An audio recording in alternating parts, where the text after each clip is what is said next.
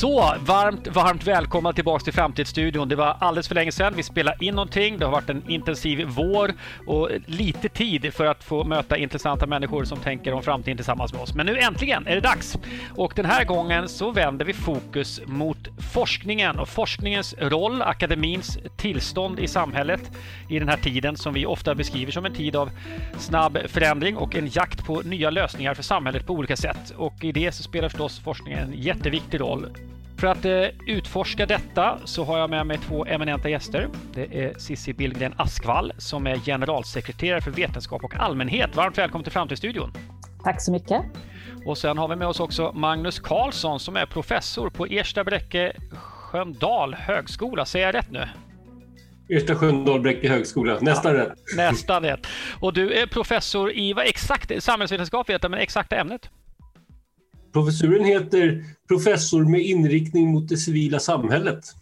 Precis, och det är ju där ni nyligen har eh, och håller fortfarande på och jobbar eh, kring frågor med civila samhället. Det pågår ju en, en, ett utvecklingsarbete kan man säga som kallas för Nysta där ett antal av Sveriges stora eh, idéburna organisationer diskuterar samhällskontraktet, vilken roll civilsamhället ska ha i det, vad det är man ska eh, bidra med och leverera men också då vad forskningen ska göra för civilsamhället. Och det där kommer vi så småningom kanske titta lite närmare på här men just nu tycker jag det intressanta är att ge oss in här på forskningen och akademins status och roll idag. Sissi, berätta först lite grann, vad gör Vetenskap och allmänhet? Vi är en ideell förening och eh, vårt ändamål är att främja dialog och öppenhet mellan allmänhet och forskare. Och det kan man förstås göra på massor med olika sätt. Så vi gör en massa studier och undersökningar av det här gränssnittet mellan forskningen och resten av samhället, hur det ser ut. Vi gör också mer konkreta aktiviteter. Hur ska man då få den här dialogen till stånd, där både forskare och allmänhet kan få sig nya perspektiv till livs? Och så jobbar vi förstås mycket med kommunikation, hur forskare kan kommunicera på ett sätt då, så att det blir den här samverkan och dialogen uppstår. Och också påverkansarbete så att det på mer strukturell nivå eh, blir möjligt för forskare att prioritera det här. För så är det inte alltid idag. Eller vad säger du Magnus? Nej, så kan det vara. Eh, men fråga till dig då Cissi, eh, den här föreningen, vilka är det som står bakom den? Och en annan fråga som du kan få på samma gång är så här, har behovet av de här, alltså att lyfta de här frågorna, har det ökat eller har det varit konstant under lång tid? Eller, eh, ja, sätt oss i ett sammanhang. De som står bakom det är ju de som är våra medlemmar och det kan man väl säga att det är ungefär hälften V och hälften A. Med V menar jag då vetenskap, så det kan vara lärosäten, eh, akademier, forskningsfinansiärer. Eh, A, mer allmänhetsnära medlemmar kan vara till exempel fackförbund och studieförbund, museer, science centers och så. Och absolut, behovet av att forskning kommuniceras och att forskningen samverkar med andra delar av samhället, det är ju förstås ingenting nytt. Men det accentueras ju och det talas ju allt mer om det, alltså inte minst globalt när vi talar om de här jättestora samhällsutmaningarna som behöver adresseras med hjälp av forskning. Att ska det bli bra resultat av det så krävs ju att väldigt många olika perspektiv kommer in och då räcker det inte med att forskarna själva sitter och forskar utan att man tar in då olika aktörers behov för att man faktiskt ska kunna komma till bra lösningar. Mm, just det. Magnus, eh, berätta eh, ditt lärosäte. Vad är er specialitet och inriktning? Vad, vad är det som ni, hur har ni nischat er i vetenskapslandskapet? Vi har ju länge hållit på, en, en grupp forskare som har hållit på med att studera det civila samhället. när vi började så pratade man inte ens om det civila samhället utan då pratade man om tredje sektorn och frivilliga organisationer och så. Men, men eh, så vi började i början av eh, 90-talet och växte ganska snabbt till en grupp på ett 20-tal forskare ungefär och har sen pendlat mellan 15 och 25 personer i gruppen ungefär sådär. Och, och, och, och vi har hängt i eh, och börjar bli de, de som då var unga hungriga doktorander höll jag på att säga, blir numera gamla trötta professorer i samma grupp så att säga. Så vi håller på med en delvis ett generationsskifte i den här gruppen. Men vi jobbar fortfarande med att studera det civila samhället och det civila samhällets organisationer. Mm. Var det något speciellt som hände där i tid? Alltså, du säger att någonstans på 90-talet, eh, jag vet inte om du sa mitten eller slutet, men, men det, var det någonting som, vad var det som fick det att hända just då? Ja, det, det, var, det uppmärksammades, det, hur ska jag säga, den ideella sektorn uppmärksammades i ett, i ett eh, flertal olika sammanhang. Bland annat så var vi djupt involverade i en SOU som skrevs 1993 om jag kommer ihåg det rätt. Och sen i mitten av 90-talet där så började också olika olika, och det var verkligen inte bara hos oss utan det var på många ställen, eh, eh, eh, tänkare runt om på lärosätena att diskutera det civila samhället. Och sen var det också en viktig del, tror jag, som handlade om att vi var med i eh, John Hopkins-studien där man jämförde den, den ideella sektorn i ett stort antal länder Eh, det var eh, Tommy Lundström och Filip Wikström som gjorde det och de, de gjorde det i samarbete med oss på Ersta Sköndal Bräcke. Eh, så, så eh, det var ett antal händelser där kring 90-talets mitt som fick intresset att, att booma lite tror jag. Mm. Jag tänker också, jag kan ha fel i det, men jag tänker eh, 90-talets mitt där någonstans så händer någonting. Eh, jag, jag, tänker på så här rörelser som Attack till exempel och antiglobaliseringsrörelse. Eh, rätta mig om jag har fel, men, men dyker inte upp lite nya initiativ där som eh, är någonting annat än de etablerade stora? Att man ser en, en, en, ny våg lite grann på det sättet, å ena sidan. Och å andra sidan tänker jag, är det också en tid som präglas av, eh, vi har ju liksom lite marknadsliberala vindar som blåser som frågar vilka roller ska man spela och hur ska man avlästa det offentliga Är, Är det sådana faktorer som också ligger bakom? Det, det, de, det spelade säkert in, absolut. Eh, och sen så, sen så är det väl som alltid i... Hur ska jag säga, vi ligger väl ett eller ett par årtionden efter forskningen i USA ofta när det gäller de här sakerna. Så att det hade uppmärksammats och det hade börjat organiseras forskning kring de här frågorna där och nu, nu händer det i Sverige också. Så det var nog många saker som, som eh, föll samman här. Mm.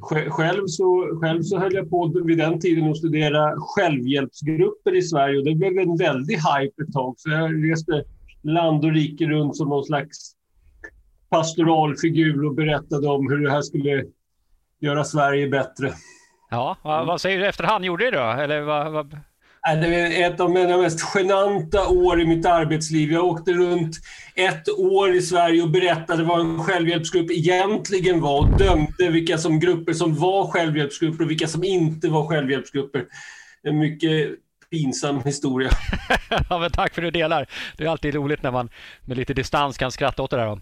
Men man kan säga så också. Eh, vi har ju det här mötet nu då för att eh, jag har också varit med och bidragit lite i nystarbetet. Men, men bland annat så tillät jag mig påstå att, att forskningen och tilliten till forskningen eh, i ett, i ett framtidsperspektiv kunde befaras vara lite rubbad de senaste åren. Och därför var det jätteintressant också Cissi att du är med här. Ni bedriver ju kontinuerligt studier egentligen. Alltså fråga folk rakt vad tänker man om forskning och hur tänker man man och varför tänker man om forskning och vad är tilliten och vad är läget egentligen? Hur ser svenskarna på, på forskningen och forskarvärlden idag?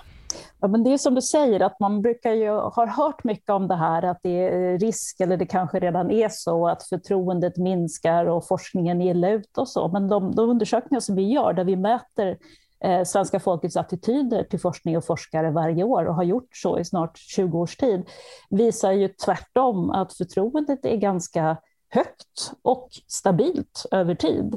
Eh, min egen tolkning är att det finns säkert en del som tvivlar på forskarna och misstror och saknar förtroende.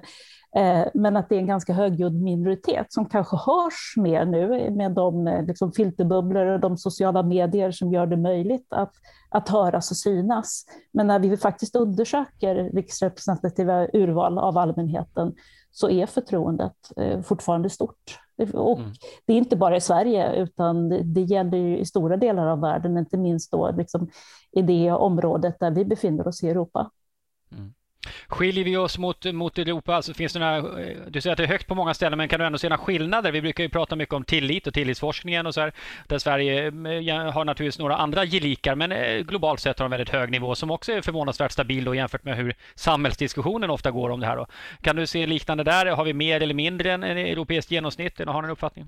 Alltså det är ju så att, eh, precis som du säger, att vi i Norden kan man väl säga eh, att vi har generellt sett inte bara ett högt förtroende för forskning utan högt förtroende för samhällsinstitutioner, förtroende för våra medmänniskor. Och det här om man känner tillit eh, för sin omgivning så tenderar man också att ha tillit till forskning.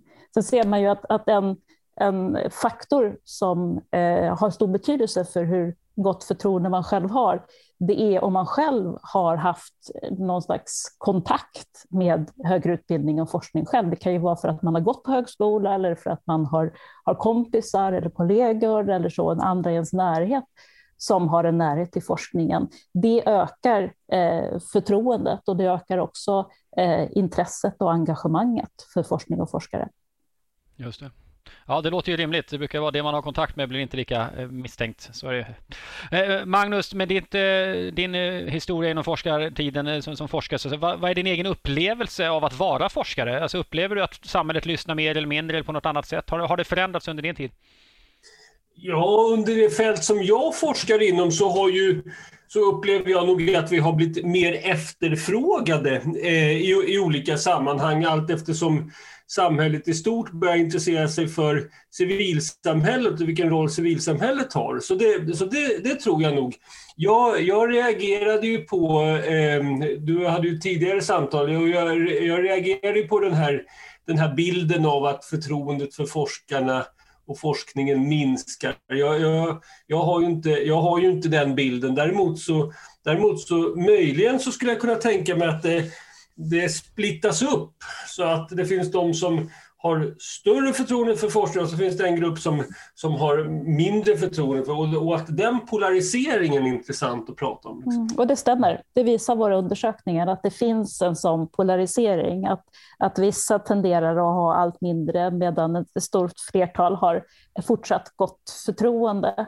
Och om man tittar på partisympatier så är det liksom ett partis sympatisörer som skiljer ut sig, som har betydligt lägre förtroende för forskning och forskare. Det är Sverigedemokraternas sympatisörer. Mm. Ja, det där är ju, jag såg att ni jobbar med, med SOM-institutet bland annat Cissi, och eh, deras senaste studien jag läste, Sprickor i fasaden hette det. Och då är de också inne på just att eh, okay, den generella eh, tilliten i samhället är hög och sen finns det några grupper som börjar särskilja sig och det har de gjort sedan ungefär 200, eller säga, 2006 någonting där någonstans i krokarna. Eh, så att eh, apropå det här att svenskarna har tillit i allmänhet till saker, också till forskningen. De då som inte har det har heller inte till forskningen, tycks det ju vara då i så fall. Men det kanske inte säger så mycket om forskningen egentligen utan det finns andra faktorer som, som väcker den biten. Precis. Sen när vi pratade lite innan här, eh, eh tror jag, Cissi, jag tror det var du som sa att du, du kunde se liksom hot mot tilliten i, för forskningen i, i det lång, längre perspektivet. Jag vet inte om det var Magnus som sa det, men jag tror det var du Cissi som var uppe. Vad, vad, är det du, vad tänker du, vad är, vad är trenden framåt tror du?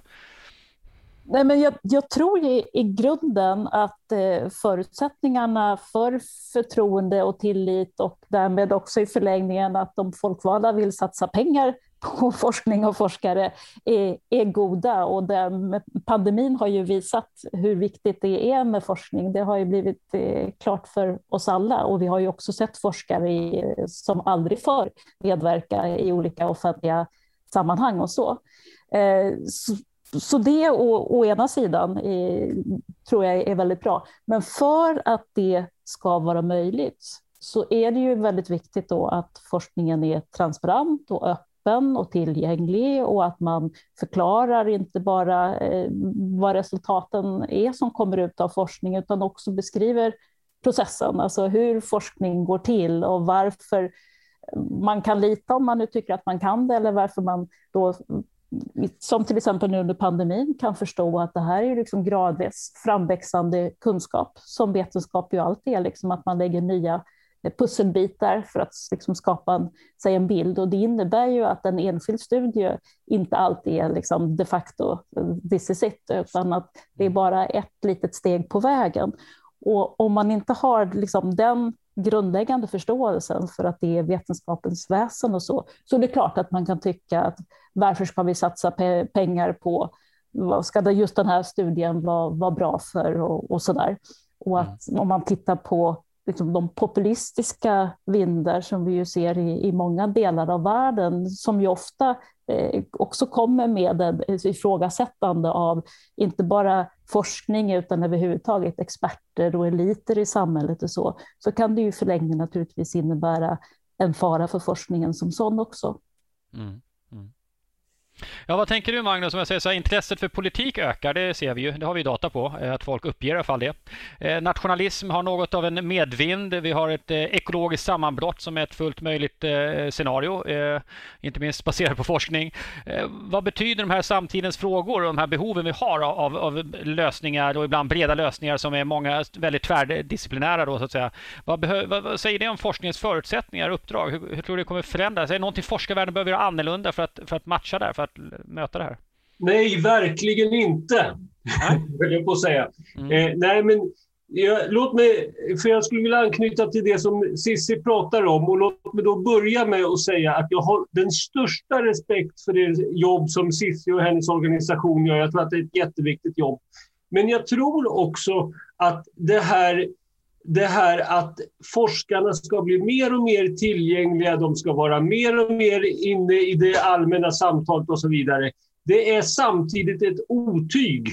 För om man tänker sig att, eh, om man nu tar ett väldigt näraliggande exempel, de forskare som utvecklar vaccinen, om de istället hade varit ute och pratat i offentligheten om att utveckla vaccin istället för att sitta och utveckla vaccinen, så hade, vi inte, så hade det inte varit någon bra sak, så att säga.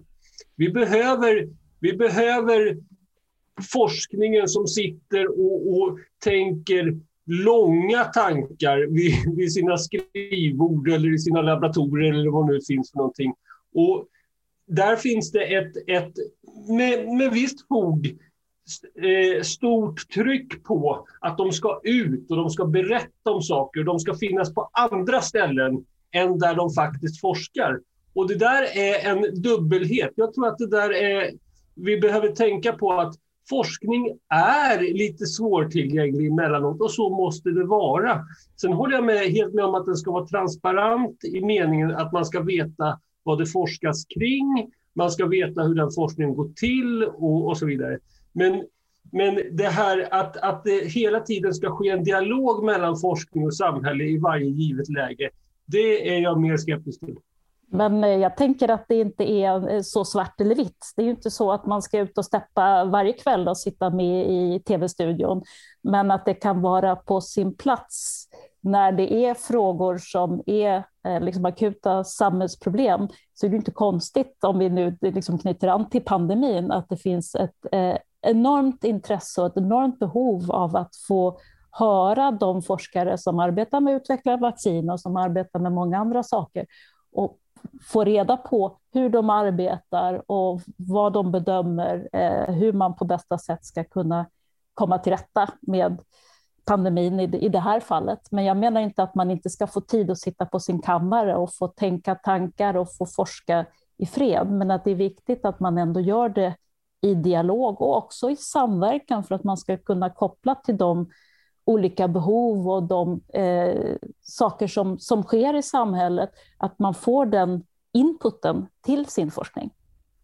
Jag håller helt med dig Cissi, det du säger. Men jag, jag, anledningen till att jag säger det här är att jag märker och jag, jag har funnits länge i en situation där, där det ställs väldigt stora krav på forskarna att de ska vara utåtriktade. I nästan varje typ av forskningssatsning, forskningsfinansiering och så vidare så är de kraven väldigt tydliga. Och jag ser att forskarna blir ofta, alltså det, det, är ofta deras egen forskning som tar ganska mycket stryk av det här så att säga. Och det är jag inte säker på att samhället i längden vinner på. Men är det så att vi egentligen behöver fler skickliga vetenskapsjournalister? En mellan en, en, en, tolkare, en läsare, en förklarare som gör att ja, men jag läser det du skriver. Du behöver inte vara ute själv och prata som forskare. Vi kanske behöver ett, ett lager emellan av ännu fler folk som lyckas förmedla och pedagogisera och som tycker det är kul. Eller vad säger Cissi? Jo, men det är klart att det är fler vetenskapsjournalister. Vem säger nej till, till det? Och det, antalet vetenskapsjournalister har ju minskat på senare år. Och då har ju liksom hela medie, alltså hur mediebranschen har har förändrats eh, och pengarna som media har haft, annonserna finns nu i mycket större utsträckning i sociala medier och så, så det är en stor eh, omvandling som har gjort att vetenskapsjournalistiken eller vetenskapsjournalisterna har minskat. Däremot rapporteras det mycket om forskning, men de flesta som rapporterar är ju vanliga reportrar, så att säga, som inte har någon specialutbildning. Jag tänker att, att vetenskapsjournalister är jättebra, men eh, det finns ändå ett behov av att också kommunicera direkt med forskare. Jag menar inte att alla forskare ska stå på scen hela tiden och, och berätta allt, men det blir någonting annat att tala direkt med den som faktiskt genomför forskningen. Så är det ju jättebra med populärvetenskap och forskningskommunikation. Det finns ju väldigt mycket på våra lärosäten, kommunikatörer som hjälper till i det arbetet med att mm. tillgängliggöra och så. Ehm, men forskarna har fortfarande en, en roll att spela där, tänker jag. Mm. Vi... Säg emot, äh, Magnus. Ja. Jag, tänker... jag, jag gör så gärna det. Nej, det, det, finns en, en, en, annan dimension i det här också som jag tror är en, en annan fälla och det är att forskarna lätt lockas till att uttala sig om saker som de faktiskt inte, varken de eller deras kollegor forskar om. Alltså att, att det finns ett intresse, och jag, för, jag håller med dig Cissi, det är ett legitimt intresse, det är inget konstigt. Men, äh, äh, men det finns ett intresse från samhällets sida att höra forskares syn på olika samhällsproblem och så vidare. Och forskarna lockas lätt till att uttala sig om mer än de egentligen kan. Så att eh, jag tolkar liksom att en, en, forskare mår bra av en slags eh, eh, lite celibat som inte gör att man korrumperas av uppmärksamhet. Och, och, och, för det kan jag tänka mig också, om man slår igenom som forskare så att säga, att man får mycket. Kan det påverka, eh, som du säger, att man kanske tillåter sig att prata lite mer än vad man borde? I mitt huvud så är forskning en långsam process och det tror jag är, jag tror forskningen mår bra av att vara en långsam process. Jag tror att det är enda sättet man kan bedriva bra forskning på. Så att en, en viss återhållsamhet tror jag kan vara bra. Ja. Om du, ja, förlåt, Cissi. Eh, bara en, en, en liten brasklapp apropå, eftersom jag själv tog upp det här med pandemin och hur mycket vi har sett forskare i media just nu. Så när det uppstår sådana här krislägen, vilket ju ofta gör, om man saknar otillräcklig kunskap och det är samtidigt liksom ett allvarligt läge och hur sjutton ska vi liksom klara av allt det här? Då är det naturligt att man vänder sig till de som är de bäst utbildade och som kanske inte har forskat om just det här, därför att det här är en ny pandemi, så den har vi inte hunnit forska på så mycket än. Nu har vi gjort det, men när det började så hade vi inte det. Då blir det ju ändå så att, att om man inte frågar de som har forskat och de som är de mest kunniga i samhället så kan man ju räkna med att det dyker upp andra självutnämnda experter som kanske inte alls har lika mycket kunskap som gärna sitter med och eh, ger goda råd om vad man bör göra. Sen har jag all respekt för att, att om man inte alls har beforskat ett område så kan man inte i egenskap av professor sitta och säga att jag tycker man ska göra si eller så. Då har vi ju sett många dåliga exempel på där man liksom i egenskap av sin akademiska titel tar sig ton och uttalar sig tvärsäkert om olika saker. Men att i viss utsträckning utifrån den expertkunskap man har försöka extrapolera, tänker jag ändå eh, kan vara godo. En, en delikat konstform gissar jag. Den, den, det argumentet, säg någonting annars gör någon annan det, är ju, är, kan ju lätt tolkas som en sån här uh, sätt att, att hetsa, hetsa forskare. Jag skulle i allmänhet vilja höra oftare säga ”jag vet inte” och vi vet överhuvudtaget inte. Och att, att man också inom journalistik och media var lite mer, hur ska jag säga, alltså inte självklart gick vidare till nästa i så fall, utan faktiskt kunde rapportera om det också. Mm. Det kan jag hålla med mm. Är det, Magnus, om du tittar på, på forskarvärlden, eh, är det någonting du skulle önska att forskarvärlden och dina kollegor, eller hela systemet, om jag till och med som en sån väldigt överblicksbild, men är det någonting som forskningsvärlden kan göra annorlunda för att få ännu bättre så att, säga, eh, att forskandet och, och, och, eh, kunskaperna som utvecklas får ännu större genomslag? Eller har det nog med genomslag? Det kan jag förstås tänka. Det är en väldigt, väldigt, väldigt abstrakt fråga på ett sätt. Men, men är det någonting som forskarvärlden inte, eh, inte, inte gör rätt i det avseendet? Hur mycket genomslag behöver vi, Fredrik? Ja, det är jättesvårt mått. Räcker det inte att vi tar fram bra kunskap? Ja, men du menar att där stoppar ansvaret, så att säga, eller möjlighet, det, det räcker? Rapporten är grejen? Nej men, jag, nej, men jag tänker nog att det finns, det finns ju flera, man måste tänka på det, det finns ju flera aktörer här. Mm. En viktig aktör tycker jag är de, de politiska aktörerna, alltså som, som i någon mening Forskarna kan ta fram kunskap om saker och ting, men, men ett politiskt beslut handlar ju om så mycket mer än kunskap. Det handlar också om vad man värderar och så vidare. Absolut. Och den, den delen är ju otroligt viktig också. Så att eh, att ta fram ny kunskap, det är inte kattskit. Nej. Du tänker att nu får det räcka, inga fler krav på oss forskare. Det, har vi gjort det där så har vi gjort det. Nu får ni fasen sköta resten själva. Ja, jag, jag, jag, tror att, jag tror att man mår ganska bra av, alla, alla mår bra av att ha en viss avgränsad arbetsuppgift så att säga. Sen, sen naturligtvis så håller jag helt med Sissi när du säger att, att det är klart att det finns ett intresse från allmänheten och det är klart att man måste möta det intresset. Det tycker jag verkligen också. Men det ska finnas en, en gräns och en måttlighet i det tycker jag. Mm. Apropå gränser och måttlighet, vi har varit inne lite, du var inne på politiken här Magnus och så vidare. Det har ju funnits tider, eh, eller jag tänker att, att politikens inflytande över forskningens inriktning, vad som är bra och dålig forskning, det har varierat över tid. Eh, jag tycker mig uppfattat i alla fall de senaste åren bland de, med de här eh, citattecken anti-etablissemangsströmningarna som funnits, att man har till exempel eh, anklagat media, eh, journalistvärlden för att vara mer vänster än höger och, och forskningen i vissa sektorer har också anklagats för att ha en politisk färgning utbildning. Eh, Cissi, vad tror du om framtiden där? Så att säga, tror du att, eh, eller om jag säger, först så här, hur skulle du bedöma situationen idag? Är forskarvärlden politiskt, liksom, är, är de fria från politiken i tillräckligt hög grad eller skulle man behöva ännu längre armslängds avstånd? Alltså det är ju både och. Eh, å ena sidan så har vi ju precis nu eh, har riksdagen antagit en ny forskningsproposition som ska liksom vägleda Eh, forskningspolitiken de närmaste fyra åren och där så har man en ny skrivning eh, i högskolelagen där man talar om att man ska värna den akademiska friheten. Och det låter ju gott och bra, att, det vill säga att forskarna själva fritt ska kunna välja vad de vill forska om. Samtidigt så finns det ju ett, ett regelverk och det kommer ju pengar från regeringen varje år, eh, ganska finfördelat eh, hur de pengarna ska användas dessutom till våra lärosäten. Så att i praktiken så är det ju inte en full akademisk frihet eftersom det är ju pengarna som avgör vad man faktiskt kan ägna sig åt att, att forska kring. Mm. Så att... Um... Det finns tendenser åt båda hållen på något sätt. Kan man säga. Ja. Men sen är det ju också det här eh, som vi var inne på tidigare om eh, åh, hur är liksom forskningens ställning i samhället och det är många som ifrågasätter och menar att eh, vissa vetenskaper kanske är politiskt influerade och så. Och då är det ju självklart så att menar, forskare lever ju inte i ett vakuum utan är ju en del av samhället precis som oss alla och har naturligtvis åsikter och värderingar som ju inte ska Eh, styra eh, hur man arbetar forskningsmässigt. Men det är klart att det kan påverka vilka ämnen man överhuvudtaget väljer att intressera sig för i början. Så är det ju för oss alla, att vi jobbar väl med sånt som vi är intresserade av.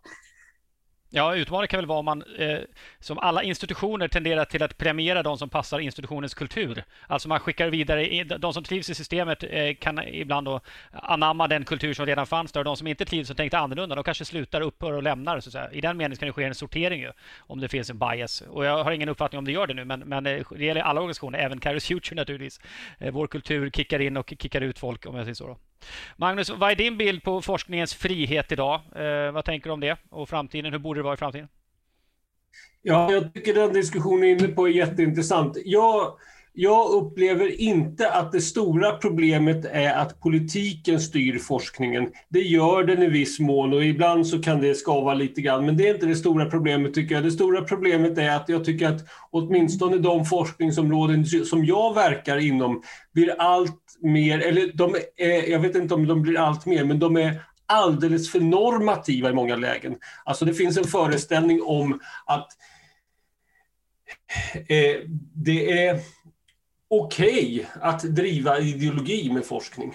Och man, och man, man, man vänder på, på steken och, och, och eh, eh, åtminstone i min syn på det emellanåt söker bedriva forskning för att visa på vissa resultat istället för av nyfikenhet att, att drivas av nyfikenhet. Vad, kan, vad är det vi kan hitta här? Och det där tycker jag är ett problem.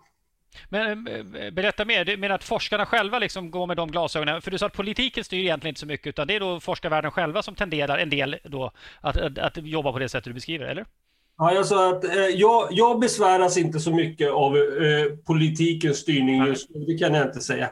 Men, men Eh, däremot, däremot så menar jag att man, att man på många ställen, eh, jag tycker jag återkommande ser, och jag vill inte gå in i detalj på Nej. det, men jag tycker jag återkommande ser att, att man, eh, hur ska jag säga, väljer forskningsområden för att stärka en egen uppfattning som man har, en egen ideologisk uppfattning man har, snarare än att, eh, att ge sig ut i okända marker och försöka Eh, drivna, driven av nyfikenhet, hitta ny kunskap. Och det där tror jag i längden, det kommer däremot att göra att, att eh, förtroendet minskar för forskning, tror jag. Mm. Har du någon eh, förslag på vad, det, vad, är, det som kan driva den utvecklingen? Har vi en annan typ av eh, studenter som, blir, eh, som doktorerar och blir forskare idag? Eller vad är det för strömningar och tendenser som gör att det där har blivit vanligare, om vi nu utgår från att det är så? Min gissning skulle vara att, att åtminstone en kraft i det är att man har sett att, att eh, hur ska jag säga, det finns ett förtroende för forskning. Och finns det ett förtroende så, har, så finns där en röst och kan man använda den rösten för att driva sin, sina ideologiska tankar så tar man den möjligheten. Mm. Eh, så, så drivet tror jag samhället är idag. Mm. Eh, så att man gör så. Jag, jag kan, förlåt Cissi. Ja. Nej, det, jag tänker det gäller ju också så andra delar av samhället, att eftersom då forskning generellt sett eh, liksom, eh, har högt förtroende, så kan man ju rekommenderas att göra en undersökning och visa på att så här förhåller det sig. Och det är ju naturligtvis så att så du formulerar frågan så får du ju svar. Det är med opinionsundersökningar till exempel. Och likaså när det gäller politiker, att eh, det finns ju väldigt mycket forskning och letar man då ordentligt så kan man ju plocka några körsbär eller några russin ur kakan eh, och hitta forskning som som då stärker just det som vi vill driva SOC politiskt. Mm. Vad va bra att ni säger det här, för när vi, när vi preppade inför samtalet så fick jag liksom smisk så här, nej Fredrik, forskningens status är inte försämrad och det stämmer ju med dina studier Cissi, men den här tendensen har även jag fångat upp nämligen. Det var lite där jag bottnade i. Det här att använda forskning som slagträ som ni säger, att, att kunna göra det, eh, eller som du är inne på Cissi här då. Eh, och den är ju naturligtvis gravt, eh, gravt farlig om den utvecklingen fortsätter. Eh, sen är ju frågan uppenbarligen uppe. Jag vet inte om det diskuteras öppet också mycket i forskarvärlden om det här, Magnus. Är det, är det en debatt om det?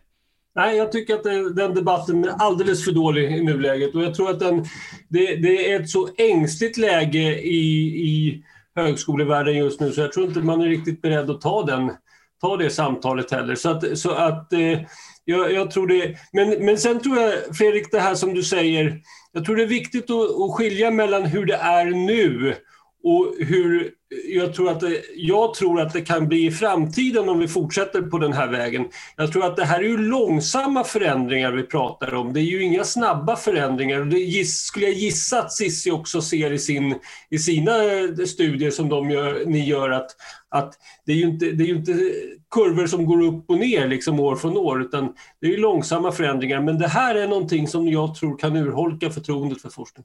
Mm.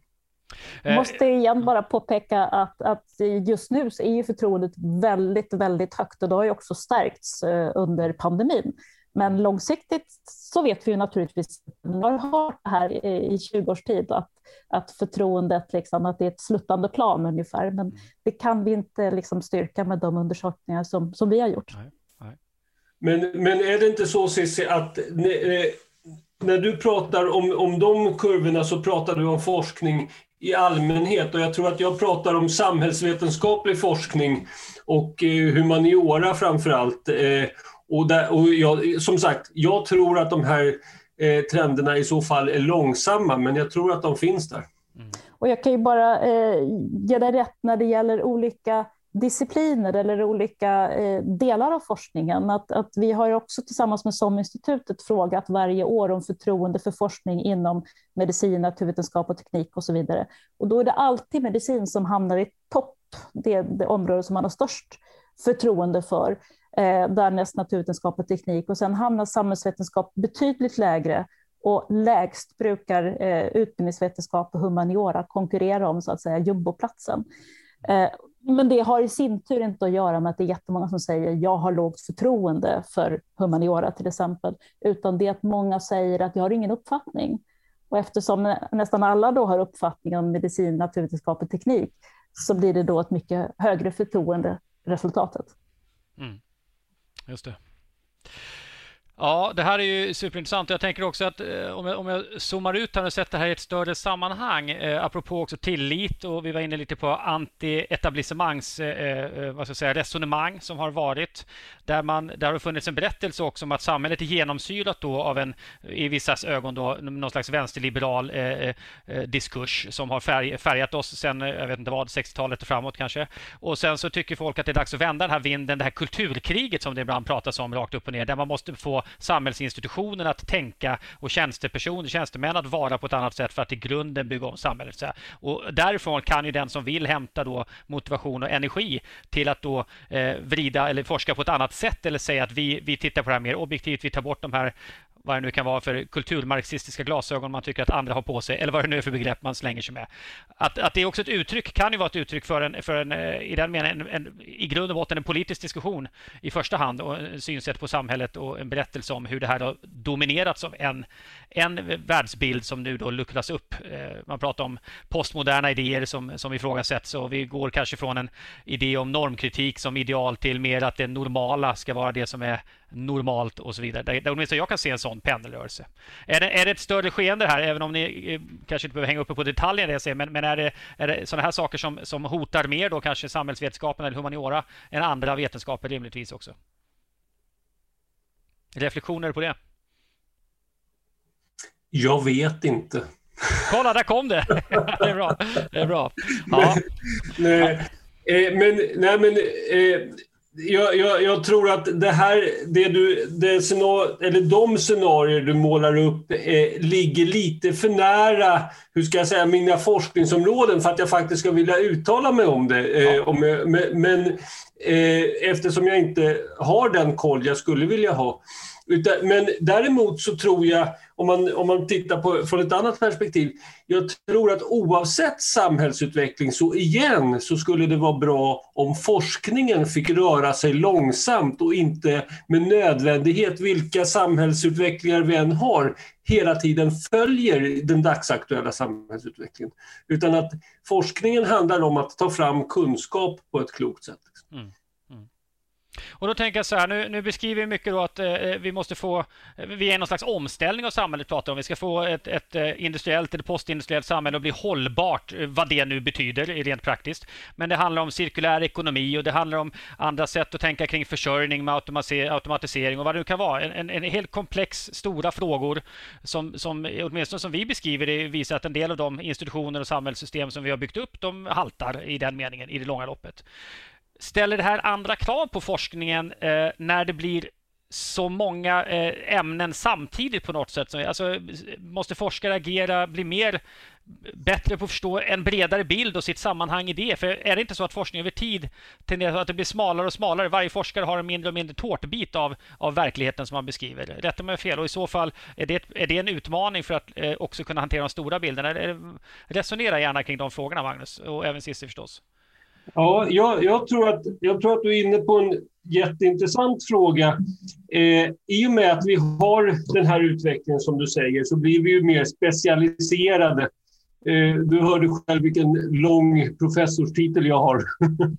men, men, men jag tror samtidigt att jag, jag tror samtidigt att där, fin, där har vi som akademiker anledning att hur ska jag säga, inte bara utbilda oss utan också bilda oss så vi skaffar den här övergripande blicken eh, så, som jag tror är så viktig för att kunna förstå vår egen forskning i ett större sammanhang. Och det där tycker jag har gett mig själv, det, det är någonting jag har börjat göra på senare år, det har gett mig väldigt mycket att, att, eh, att tänka i de banorna. Och i, och i, mitt huvud så är det fina att, att den akademiska mognaden tar hänsyn till det där. När man är doktorand så fokuserar man på sitt eget projekt och sen allt mer så tänker man alltså bredare och bredare så att säga, om, om det är som det ska. Så jag, tror att, jag tror att det där finns i akademin i en mening. Mm. Det ska finnas i akademin. Mm.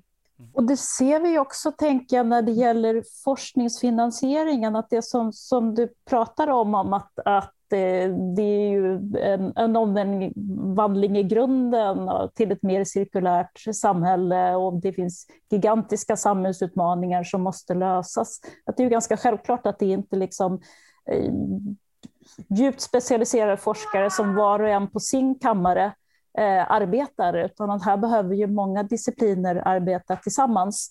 Eh, och det ser vi också nu på de, de svenska forskningsfinansiärerna och EUs eh, program för forskning och innovation, att, att det är allt mer av den typen av utlysningar där man ska liksom greppa större problem och att det då krävs en bredare konstellation och, och observera inte alltid bara forskare utan också olika aktörer i andra delar av samhället som kan bidra.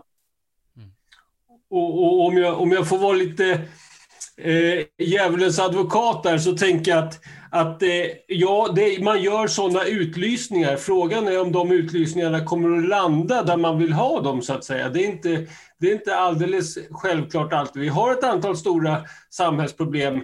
Frågan är om forskningen kan lösa det eller om det faktiskt är så, vilket jag i stor utsträckning tror, det är polit, politiken som måste lösa samhällsproblemen och forskarna kan med sina specialkunskaper understödja där, där det finns ett kunskapsbehov, så att säga. Mm. Jag, jag, jag tror, det här som Greta Thunberg säger, lyssna på forskarna, jag, jag, tror inte hon menar så kanske, men, men jag tror att eh, politikerna bör lyssna på forskarna som i sin tur, så att forska, politiken i sin tur kan, kan värdera och ta, ta kloka beslut. Mm. Ja, så båda delar ju behövs. Finns inte ja. den forskningsbaserade kunskapen så finns det ju ingenting för politikerna att luta sig mot när de ska fatta sina beslut och göra sina avväganden naturligtvis. Apropå det med, med politikens roll igen, vi är tillbaka där och samhällets behov. Eh, en diskussion som alltid rör sig tänker jag, kring forskarvärlden, det är ju hur mycket nytta ska forskningen göra? Vad får vi tillbaka för pengarna och så vidare? Eh, Magnus, jag ser att du andas in här, redo. vad tänker du? Va, eh, det, det, mest intressanta här i Framtidsstudion förstås är ju att vi vill ju veta vad tror vi tendensen är framåt? Kommer forskningen avkrävas mer resultat eller rör vi oss i någon annan riktning som handlar mer om att släppa forskarna loss? Det är vår, låt dem grundforska så mycket de vill och se vad som ramlar ur lådan. Vad, vad är tendenserna och, och hur borde de vara, Magnus? Ja, nu, nu har jag tagit ett djupt andetag här. Eh, jag, jag, tror att det är precis som, precis som du antyder. Jag tror att man kommer att avkräva forskare mer och mer nytta, så att säga. Och jag tror att det är en helt erbarmlig väg att gå. För jag tror den, den riktigt viktiga saken med forskning och akademi, det är att det bildar människor. Vi, vi, vi tänker, vi utvecklar vårt tänkande och det tror jag är det allra, allra viktigaste. Sen finns det ett antal resultat från den här forskningen som kommer att komma till nytta. Om vi tänker kring saker, om vi utforskar saker, så kommer vi också ha en massa nytta av det. Men att vända på det och säga att det bara det som bidrar till nytta ska vi tänka kring, det tror jag är en farlig väg att gå.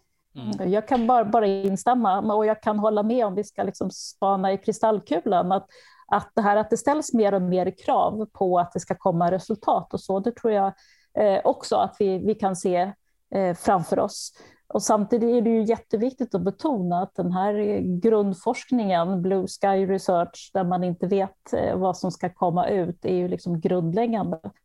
Eh, och naturligtvis har tillämpad forskning en viktig roll att spela och inte minst eh, apropå det arbete som, som Magnus och jag har varit involverade i som handlar om hur man på olika sätt kan stärka civilsamhället. Det är ju mm, i mycket då forskning som har en liksom speciell riktning där man kanske vill åstadkomma några specifika resultat med hjälp av forskningsbaserad kunskap. Men jag tänker det du sa förut Magnus, det här om att, eh, som du beskrev så positivt, att man eh, börjar sin forskarbana med att nörda ner sig i sitt eget lilla projekt och sen mer och mer får man en bredare och bredare tratt så att säga, som man tittar ut i världen och så. Eh, kan inte det här efterfrågan på nytta ibland vara egentligen en, en eh, implicit kritik mot att forskare inte tycks se vad som behövs, utan de ser vad som är kul? Alltså finns det en självupptagenhet i den meningen att man faktiskt inte så här, ja, men vänta nu här, vad är de viktiga frågorna och hur kan jag bidra till det? Man hade kunnat tänka sig en mer autonom liksom, inriktning mot det som andra skulle kalla nytta, men som man som forskare gör för att man faktiskt ser the big, alltså the, the big picture och tänker så här, det här, det här vill jag vara med och knäcka. Alltså finns det något för forskarna att göra på den banan? Eller ska de få gå runt med fingret i naveln och titta inåt och tänka, vad, vad känner jag för att kolla på nu, om jag hårdrar det? Ja, jag, jag, det, jag förstår att du inte menar så, men, men eh, jag, jag ser sällan forskare som går med fingret i naveln. Alltså, utan jag, jag, jag ser eh, folk som närmast med blodsmak jobbar för att försöka utveckla tänkande på olika sätt och för, försöker stjäla åt sig stunder för att få tänka lite längre tankar. Och de där tankarna tror jag är jätteviktiga. Om man tar det här ta, ta det här med civila samhället som vi nu har hållit på med, så tänker jag att om jag tittar tillbaka på de här vad det, 25 åren som, som jag har varit i den här branschen, så är det alltså många av de sakerna som har varit de mest abstrakta eh, och där man inte direkt kan säga att ja, men det, här har ju, det här kommer ju komma till nytta. Mm. Det, det, har sen bitit sig fast och blivit någonting som man återkommer till gång efter gång, så att säga. Alltså, och som fortfarande strukturerar hela tänkandet kring det civila samhället. Mm. Så att jag, jag, tror att, jag tror att det där är en, det där är en lite falsk... En eh, elak bild av forskarna. En lite elak bild, ja. ja. ja jag sa inte lite, jag sa bara elak. Jag står för mina elakheter. Ja, ja, men det är bra. Det är intressant att få veta om man kan fundera på var jag har fått min bild ifrån. Jag vet inte. Men, eh, men, eh, ja, men det är jättebra att få världsbilden breddad även på det här området. Jag tänker på det apropå då eh, arbetet i Nysta, civilsamhället, civilsamhällesforskning. Eh, jag har själv tagit del av den. Jag hade förmånen att sitta med i Ideell Arenas eh, eh styrgrupp och eh, läste bland annat Philips eh, och andras eh, verk där. Kanske dina också, Magnus, det vet jag inte. Men det har varit absolut till nytta. Men i det här samtalet i Nysta då om forskning kring civilsamhället. du vad, vad, är det för någonting som civilsamhället vill ha av forskningen? Vad är det man vill ha hjälp med? Varför är det viktigt för civilsamhället? För det har jag förstått att det är det ju. Civilsamhället vill väl gärna ha till eh, högskoleutbildningar bland annat som naturligtvis då bygger på forskning och driver vidare. Just i vårt arbete så har ju vi, eh, Nysta är ju en, en sammanslutning då av ett antal paraplyorganisationer som, som företräder frivilliga organisationer, civilsamhället. Men, men, men eh, eh, just vår grupp, där har vi ju sagt ganska tydligt att vi är forskare och intermediärer. Eh, så, representeras här av Cissi och mig. Som, som inte på något direkt sätt hör till civilsamhället och inte tar perspektivet att vad, vad vill civilsamhället ha? Men, men, och den här gruppen som har formerats, vi, vi, har tre förslag som vi tror skulle vara till nytta för att, eller, eh, ja, till nytta för att eh, skapa en bättre, ett bättre gränsland mellan det civila samhället och, och akademin. Och, och, då, då kommer vi att lägga tre förslag som handlar om att vi skulle vilja ha en en eh, typ av finansiering till forskningen som uppmuntrar den här långsiktiga typen av tillämpad forskning. Vi förstår att den här grundforskningen som kanske finansieras på annat håll, den, den kan inte finnas här i det här sammanhanget. Men, men den tillämpade forskningen som kan utveckla civilsamhällsorganisationer och som kan vara långsiktig, det är ett förslag som vi har. Ett annat förslag är att vi vill ha en utbildning i civilsamhällesvetenskap. Alltså på samma sätt som man kan utbilda sig till att jobba på marknaden eller till att jobba inom det offentliga så ska man också kunna eh, utbilda sig till att jobba inom det civila, eller mot det civila samhället. Och sen så det tredje förslaget är att stärka de delarna som har med innovation och civilsamhälle att göra. Att, att det görs en väldigt mycket innovativa saker i det civila samhället. Hur kan det stärkas? Hur kan det tas tillvara? Så det är tre förslag som vi jobbar med där. Mm. Och som själv då med lång tid engagemang i civilsamhället, min spontana rädsla, ser en massa fördelar med det här också, men rädslan är så här, om vi utbildar folk för civilsamhället, driver vi på en professionalisering som helt klart har sina baksidor. Vad tror du? Eller fördelarna överväger? Jag, jag, jag, tror inte det, för vi, vi, vi pratar om att vi kanske kommer att utbilda, om man tänker på lite lång sikt, något hundratal kanske eh, civilsamhälles eh, arbetare, medan civilsamhället är ju enormt mycket större och de flesta har överhuvudtaget inga anställda. Liksom sådär. Så det är ju så, det är ju så det är, ju, det är ju några få organisationer egentligen som, har, som är de här stora bjässarna. Så att nej, jag tror inte att det är någon... Däremot så tror jag att vi behöver också en bildning på många nivåer. Eh, men där har ju civilsamhället en, en fin tradition av att själva arrangera utbildning så att säga. På, så, ehm, så det tror jag hanteras på andra sätt. Mm. mm. Jag kan bara instämma. Eh, folkhögskolor till exempel eh, finns det ju, eh, som drivs av civilsamhället och som utbildar eh, de som är verksamma i civilsamhället. Just det. Ja, civilsamhället brukar vara mån om sin frihet att få formulera sig själva och organisera sig själva och eh, därmed också utbilda sig själva. Så att det, den är väl bestå. Men eh, ja, superintressant. För de då som undrar, här Nysta vi pratar om, så är det då ett eh, nystartsgrupp för ett nytt samhällskontrakt som är formerat av Sivos, Ersta Sköndal högskola, Giva Sverige, Famna, den idéburna välfärden, Forum för idéburna organisationer med social inriktning och Främja som tillsammans gjort det här. Och den som vill veta mer kan gå in på nysta.nu och läsa om de här idéerna som utvecklas inte absolut inte bara av forskning utan det är ytterligare fem grupper till om jag inte missminner mig som handlar om allt om arbetsmarknad och automatisering och digitalisering eh, och en hel uppsjö med viktiga frågor för samhällets utveckling. Ja, en sista avrundande fråga. Vi har hållit på en effektiv timme här snart. Eh, Eh, sanningen, vad är framtiden för sanningen? Eh, kommer den eh, bli stärkt av de här diskussionerna kring fake news och allt annat som har diskuterats de senaste åren och filterbubblor och så? Eller i, i det medellånga perspektivet ska vi vara räddare att sanningen kommer urholkas och utmanas av deepfake och allt vad vi har för någonting? Cissi, vad säger du? Jag hoppas och tror att sanningen går en ljus framtid till mötes. Visst, det finns det fake news ja. och miss och desinformation och det är lättare att sprida osanningar nu liksom digitalt. Men det är också väldigt mycket lättare att kolla upp vad som faktiskt är sant. Det finns ju många initiativ som jobbar med de sakerna också med källkritik till exempel. Mm. Magnus? Ja, jag, jag tänker ju att för, för mig som forskare så är sanningen i någon mening helt ointressant. Den kommer vi ändå aldrig få reda på. Liksom sådär. Men, men, men däremot så, tror jag, så kan jag ibland bli ganska ganska trött och lite nedstämd av när man i många olika sammanhang gör, gör anspråk på sanningen. Nu, nu senast så tycker jag en, en jätteviktig kampanj om det här med hat och hot mot journalister som jag tycker är en väldigt viktig kampanj, men, men, men där, där man hade som, eh, som slogan tror jag att sanningen har ett pris, vilket jag tycker är...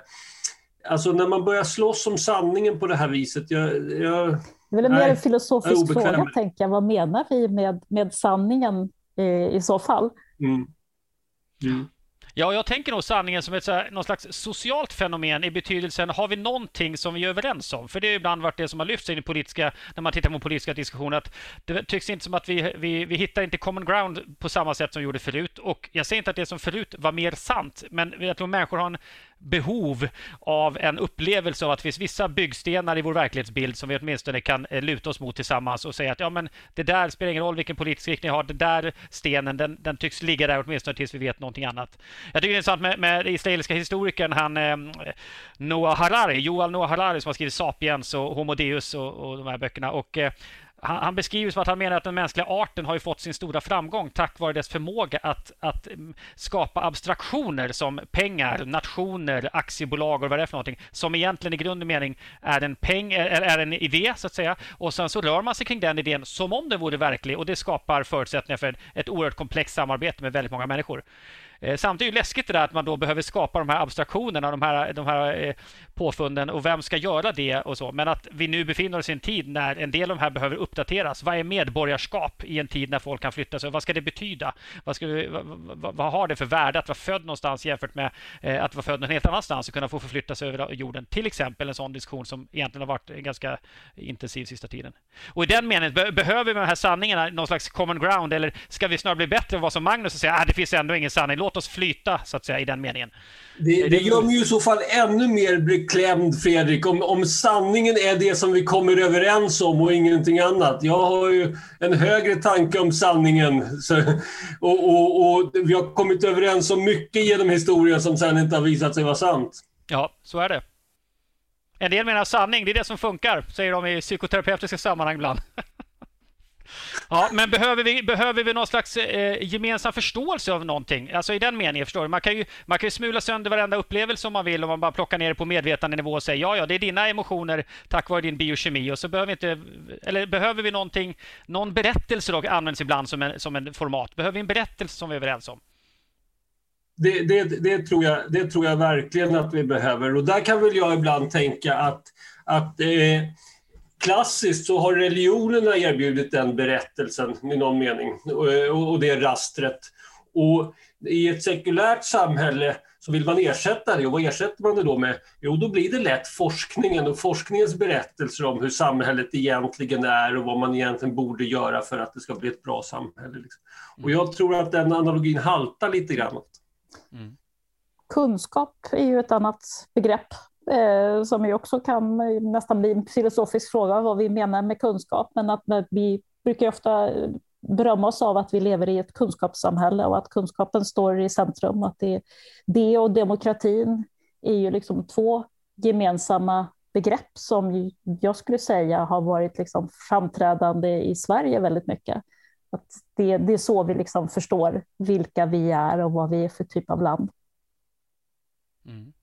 Jag tänker utmaningen för forskningen är just att komma till den nivån där man också hittar mening inte bara veta vad någonting är, om jag förenklar något, utan också vad som är meningsfullt för mig. Det har ju 1900-talets erbjudande varit existentialism, där jag då ska hitta svaret inom mig själv med någon mening. Och, och, det, och det här möter ju inte minst mina, mina barn till exempel, när man tittar på filmer och underhållning. Att, ja, men sanningen är det du känner för, det du vill. Liksom hitta dig själv i det här, som om det skulle finnas då en fixpunkt i detta.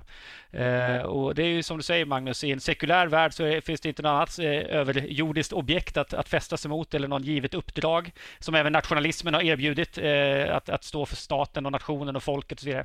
Eh, och där, i, där, i det vakuumet trampar vi nog fortfarande delvis runt en del av oss som inte har hittat, hittat meningen i den meningen. Du frågar oss om meningen med livet helt enkelt, eller? Ja, precis. Den lilla frågan. Bra avslutning. Det är inte alla poddar. Det ska vara, det ska vara lite tankehöjd. Ja, precis. Bra. Ja, men det var, det var, tycker jag var ett värdigt avslut på ett oerhört spännande samtal. Jag tycker det har varit väldigt intressant att bolla med er de här tankarna. Eh, intressanta inlägg från olika håll och inte minst djupkunskapen om, om forskarvärlden som jag uppenbarligen har massa fördomar om, vilket jag i och för sig inte trodde någonting annat. För jag har inte varit del av den. Så att eh, så med det sagt, ett stort tack Magnus Karlsson och Cissi Billgren Askvall för att ni var med i Framtidsstudion och eh, på återhörande hoppas jag. Lycka till med jakten på sanningen. Tack, tack så mycket. Då så, kära vänner, Framtidsstudion är slut den här gången. Vi dyker upp med nya spännande ämnen framöver och naturligtvis är ni varmt välkomna att komma in på vår hemsida och spana på vilka utbildningar som ligger i pipen just nu hos oss på Kairos Future. Ta hand om er där ute och eh, lycka till med framtiden. Hej!